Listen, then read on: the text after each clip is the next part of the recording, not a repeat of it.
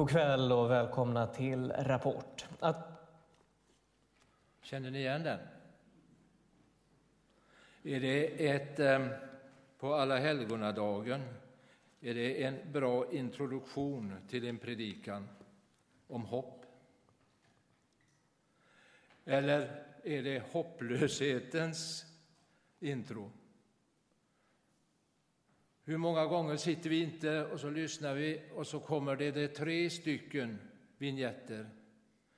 Och jag brukar räkna dem där. Det är sällan det är något positivt. Då är det lätt att komma i hopplöshetens tankar. Putin har hittat på några galenskaper i Ukraina. Priserna har stigit och någon har blivit ihjälskjuten. Sen på slutet så kan det komma något positivt om det inte är någon klimat som har skett. Alla helgons dag är ett minne och jag vill kontra rapport mot detta är hoppets dag. Det är inte hopplösheten som de förmedlar många gånger från Rapport, utan det här är hoppets dag. Det är hoppet om en framtid det är hoppet om ett liv i himmelen och det är hoppet om att vi får träffa våra nära och kära igen. Det är en tillfälle där vi får stilla oss och ta emot löftena från vår Herre. Finns det sådana då? Ja. Jag tänkte gå till Petrus och läsa ifrån Petrus första brev och jag läser ifrån kapitel 1 och några verser framöver. Och jag läser också i Jesu Kristi namn. Från Petrus, Jesu Kristi apostel, till de utvalda som lever skingrade som främlingar i Pontos, Galatien, Kappadokien, Asien, Bitynien, utvalda enligt Guds, vår faders plan helgade av Anden och bestämda till lydnad och rening med Jesu Kristi blod. Nåd och frid åt er i rikaste mått. Välsignad är vår Herre Jesus Kristi, Gud och Fader. I sin stora barmhärtighet har han fört oss, fött oss på nytt till ett levande hopp genom Jesus Kristus. Uppståndelsen från de döda till ett arv som inte kan förstöras, fläckas eller vissna och som väntar på er i himmelen. Ty Guds makt beskyddar er genom tron fram till den frälsning som finns beredd att uppenbaras i den sista tiden. Därför kan ni jubla, även om ni just nu en kort tid får utstå prövningar av olika slag, för att det som är äkta er tro, och detta är långt dyrbarare än det förgängliga guldet som dock måste prövas i eld skall ge pris, härlighet och ära när Jesus Kristus uppenbaras. Ni har inte sett honom, men älskar honom ändå. Ni ser honom inte, men tror på honom och kan jubla i outsäglig himmelsk glädje då ni nu står nära målet för er tro, era själars räddning. Det var denna räddning som profeterna sökte och forskade efter när de profeterade om den nåd som ni skulle få. De ville utröna vilken och vad slags tid som Kristi ande i dem syftade på när du förutsade om lidanden, Messias, det lidande Messias måste utstå och den härlighet som skulle följa. Det uppenbarades för dem att det inte var sig själva utan er som de tjänade med sitt budskap. Detta har nu kungjorts för er av dem som i helig ande sänd från himlen kommit till er med evangeliet, detta som änglarna längtar att få blicka in i. Amen. Petrus skriver om ett evigt hopp, ett hopp i himmelen. Och vi eh, som sitter här kanske tänker på det som har gått före oss, föräldrar, syskon med mera. Och då finns det naturligtvis funderingar, vad har hänt med dem? Men om vi nu går runt och tittar, vi kör förbi en kyrkogård, där lyser jättemycket ljus på kyrkogårdarna. Och alla vi som sitter här i olika generationer, vi möts i olika tankar. Och när man ser en kyrkogård på avstånd, den är översållad med lampor, precis som stjärnhimlen. Det är mycket vackert, det är stämningsfullt. Och den ser ut som en löfteshimmel. Och det ger hopp och det ger framtidstro. Om man har lite fantasi så ser man det idag. Så får den här helgen bli en minnenas högtid och ett hoppets högtid. Och om vårt evighetshopp. Som sagt var, det är en helg av minnen. Och vi tänker på den som gått före. Kanske känner du dig ensam mer än vanligt en sån här helg. Och du kanske tänker på det som de stunder du haft med dina nära och kära. Men det finns ett tröst och det finns ett hopp om att mötas igen. Och det tror vi på. Vi tror på det. Om vi går till Petrus och då tittar vi på de olika verserna. Välsignad är vår Herre Jesus Kristus, Kristus Gud och Fader. Välsignad är vår Herre Jesus Kristi, Gud och Fader. I sin stora barmhärtighet har han blivit född på nytt. Herre Jesus Kristus, Gud och Fader, som föder oss på nytt och ger oss en hoppets ande att få gå vidare in i det himmelska riket. Det är ett levande hopp och det hoppet föddes när Jesus Kristus uppstod ifrån de döda. Han uppstod för att vi skulle få följa med honom in i det himmelska riket. Och ehm, det är ju hela den här texten och det handlar ju om våra liv här på jorden. Om vi går till Matteus eller Lukas kan vi läsa om saligprisningarna. Där står alla prövningar vi ska få utstå, men det står också att vi ska få en himmelsk lön. Saligprisningarna, jag läste i det här nya Messenger, där står det lycklig. Och jag vet inte, det kanske är svårt för ukrainarna att uppleva lycka i det de gör nu. Och det kanske är svårt för dem att se det hopp som ligger framtid, framför dem i det himmelska riket en gång. Men hjälp oss och hjälp alla att tro att det finns någonting som ligger framför oss. Och i saligprisningarna så står det att man blir lycka efter prövningar. Och prövningar måste vi gå igenom det står här att vi ska gå igenom prövningar och vi ska vara starka i de prövningar som vi utsätts för.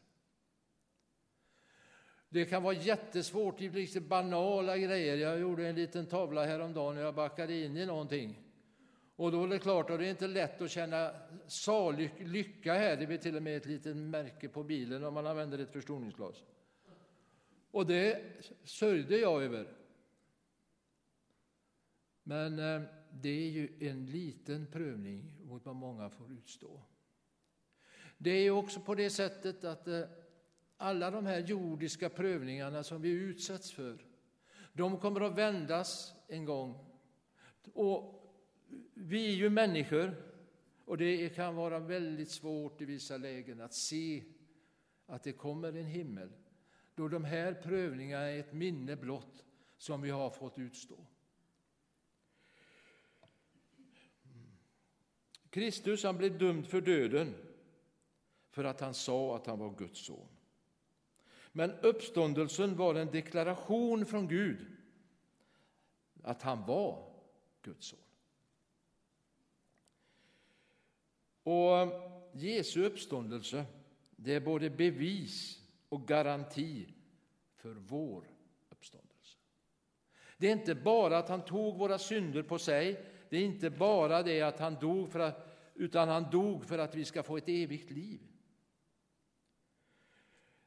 Att vara kristen är en förmån.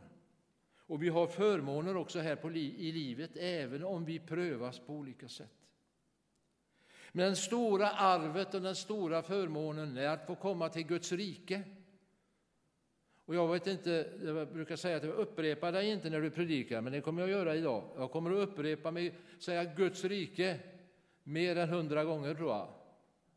Och det himmelska som väntar på oss. Det himmelska, det bevaras rent. Det avtar aldrig i sin härlighet. Vi åldras och vi förändras, men det himmelska riket består. Och det består på ett sådant sätt så det är öppet för oss. Och våra nära och kära kristna finns någonstans där. Att bli bevarad, bevarad från allt som händer och inte falla in i de prövningar som vi får möta här på jorden. Det var ingen tillfällighet att jag ville inleda min predikan med vignetten ifrån Rapport. Vi brukar, eh, när vi är hemma, jag och min fru, så säger vi, jaha, ska vi gå ner och se på depressions-tv ikväll? Det kan man tro, är det depressions-tv? Eller är det en bild utav att det här är jordelivet du lever i nu? Så här är det, i himmelen finns inte alla de här prövningarna. Är det här en bild utav att vi ska längta ännu mer till det himmelska? Jag vet inte, fundera på det. Är vi lyckliga när vi tittar på Rapport? Det finns, jag vill säga det, jag ska inte säga bara negativt, för det finns positiva saker också. Det kan finnas sporthändelser som ser positiva ut också. Även om det är vissa i församlingen som inte tycker det idag. Eh, att jag fortsätter med texten. Då kommer jag till vers nummer fem. Nu har jag pratat om prövningar. Ty Guds makt beskyddar er genom tron fram till den frälsning som finns beredd och uppenbaras i den sista tiden. Hörde ni? Ty Guds makt beskyddar er genom tron fram till den frälsning som finns beredd och att uppenbaras i den sista tiden. Därför kan ni jubla, även om ni just nu en kort tid skulle få utstå, utstå prövningar av olika slag. Och det här är svårt. Vi är människor och alla prövningar kan väldigt lätt slå ner oss. Det kan väldigt lätt bli så tunga så att vi inte orkar bära dem.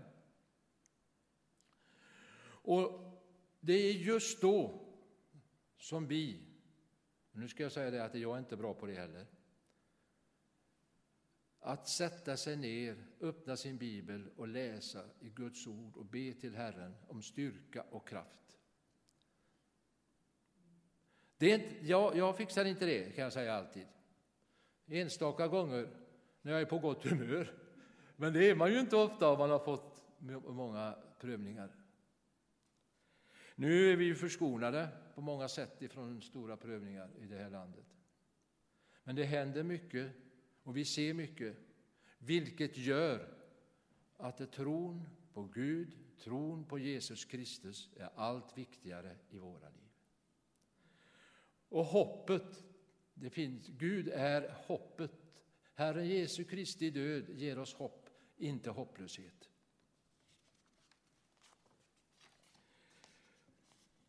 Den troende, som sagt var, den är ständigt bevarad, står det i vers 5. Bevarad för att han ska kunna gå igenom livet och nå ända fram. Kommer ni ihåg Petrus när han förnekade Jesus? Jag har bett för dig att du inte ska förlora din tro, sa Jesus till Petrus. Och det säger han till dig och mig också. Han beder, vi har en Herre som beder för oss att vi inte skall förlora hålla fast vid tron, hålla fast på ett sådant sätt så den leder hem till himmelens land.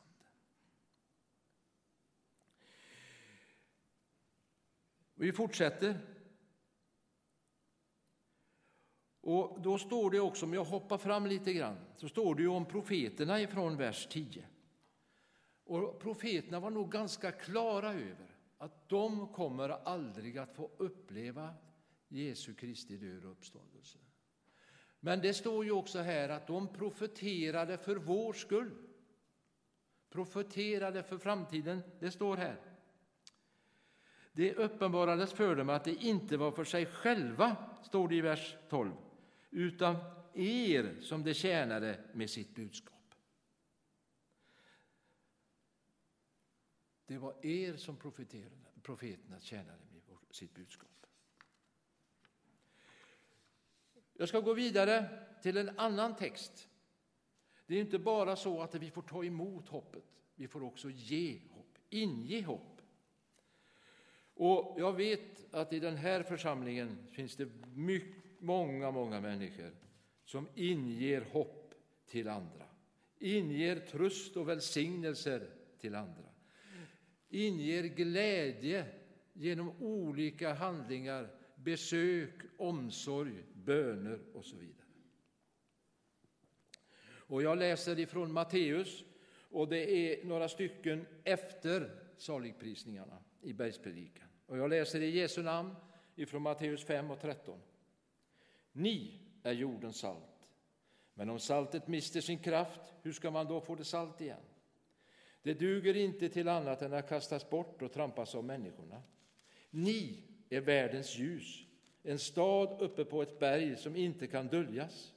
Och när man tänder en lampa sätter man den inte under sädesmåttet utan på hållaren så att den lyser för alla i, ljus, i huset. På samma sätt skall ert ljus lysa för människorna så att de ser era goda gärningar och prisar Far i himmelen. Ja, är det inte fantastiskt att vi också får vara ett Herrens sändebud och inge hopp? Inge hopp om att det finns en framtid. Att genom trösta och säga de rätta, rätta orden de kommer när du bestämmer dig för att tala med en människa om Herren. Säga uppmuntrande. Eh, det var ju någon undersökning, ni får rätta mig ni som är mer pålästa än vad jag, men det står ju någonstans att eh, svenskarna var de som var mest oroliga för framtiden. nu. Och vad är man då orolig för? Väldigt många är oroliga för den här. Om ni inte ser det så är det en plånbok. Och nu för tiden är ju plånboken tom, den är ju bara massa kort i dem. Men man är orolig för vad ska ske. Och det är, vi lever på, i världen här och nu och det måste vi hantera utifrån den situation vi befinner oss. Men i alla de här prövningarna vi får genomgå så finns det en himmel. Var det femtonde gången jag sa det? Eller? Att vara ett Guds sändebud, det är en del av det uppdraget som vi som kristna har för att vinna människor och för att trösta människor. Inte bara för att kunna bocka av så här, men för att vinna människor till Gud. Och det kan ske på många sätt. Men att vara en medmänniska och föra hoppet vidare från hopplöshet till tro. Från hopplöshet och för oro. Är det här en predikan i mörker eller i ljus? Jag hoppas det är ljus. Men för att det ska bli ljus, då måste det ha varit lite stökigt innan. Kanske. Och därför så säger jag, hopplösheten är inte, överhäng, eh, är inte dominerat på jorden. Men i situationen där vi kommer ifrån ganska lugnt några år nu, så har det stökat till sig lite. Men i de prövningarna vi ingår, eh, som vi går in i nu, de kommer att vändas till ljus en gång. Att föra hoppet vidare, det är någonting som vi också måste fundera över väldigt mycket. Men den hopplöshet vi pratar om, den är ju jordisk mycket. Det är här vi ser det. Den himmelska hopplösheten, den finns inte. Där finns bara himlens hopp. Och det är det vi tror på. Jag ska gå vidare i bibeltexten och nu ska jag läsa ifrån Uppenbarelseboken.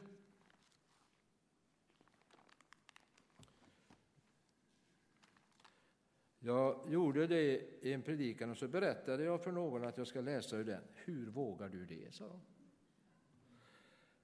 Herren ger mod och styrka. Jag ska läsa ifrån Uppenbarelseboken 6. Och jag ska läsa ifrån vers 9, eller förlåt, 7 blev det. Kapitel 7 ifrån vers 9. Och, några, och det är ett stycke framåt jag ska läsa här. Och jag läser som vanligt i Jesu Kristi namn. Sedan såg jag och se en stor skara som ingen kunde räkna av alla folk och stammar och länder och språk. Det stod inför tronen och lammet klädda i vita kläder med palmkvistar i sina händer. Och de ropade med hög röst, frälsningen finns hos vår Gud som sitter på tronen och hos lammet. Alla änglarna stod kring tronen och kring de äldste och de fyra varelserna. Och de föll ner på sina ansikten inför tronen och tillbad Gud och sa Amen, lovsjungen Herren, lovsjungen och härligheten, visheten och tacksägelsen, äran och makten och kraften tillhör vår Gud i evigheters evighet. Amen. Och en av de äldste sa till mig, dessa som är klädda i vita kläder, vilka är det? Varifrån kommer det? Jag svarade, du vet det, Herre. Han sa till mig, det är det som kommer ur det stora lidandet. De har tvättat sina kläder rena och gjort dem vita i Lammets blod. Därför står de inför Guds tron, och de tjänar honom dag och natt i hans tempel. Och han som sitter på tronen ska slå upp sitt tält över dem.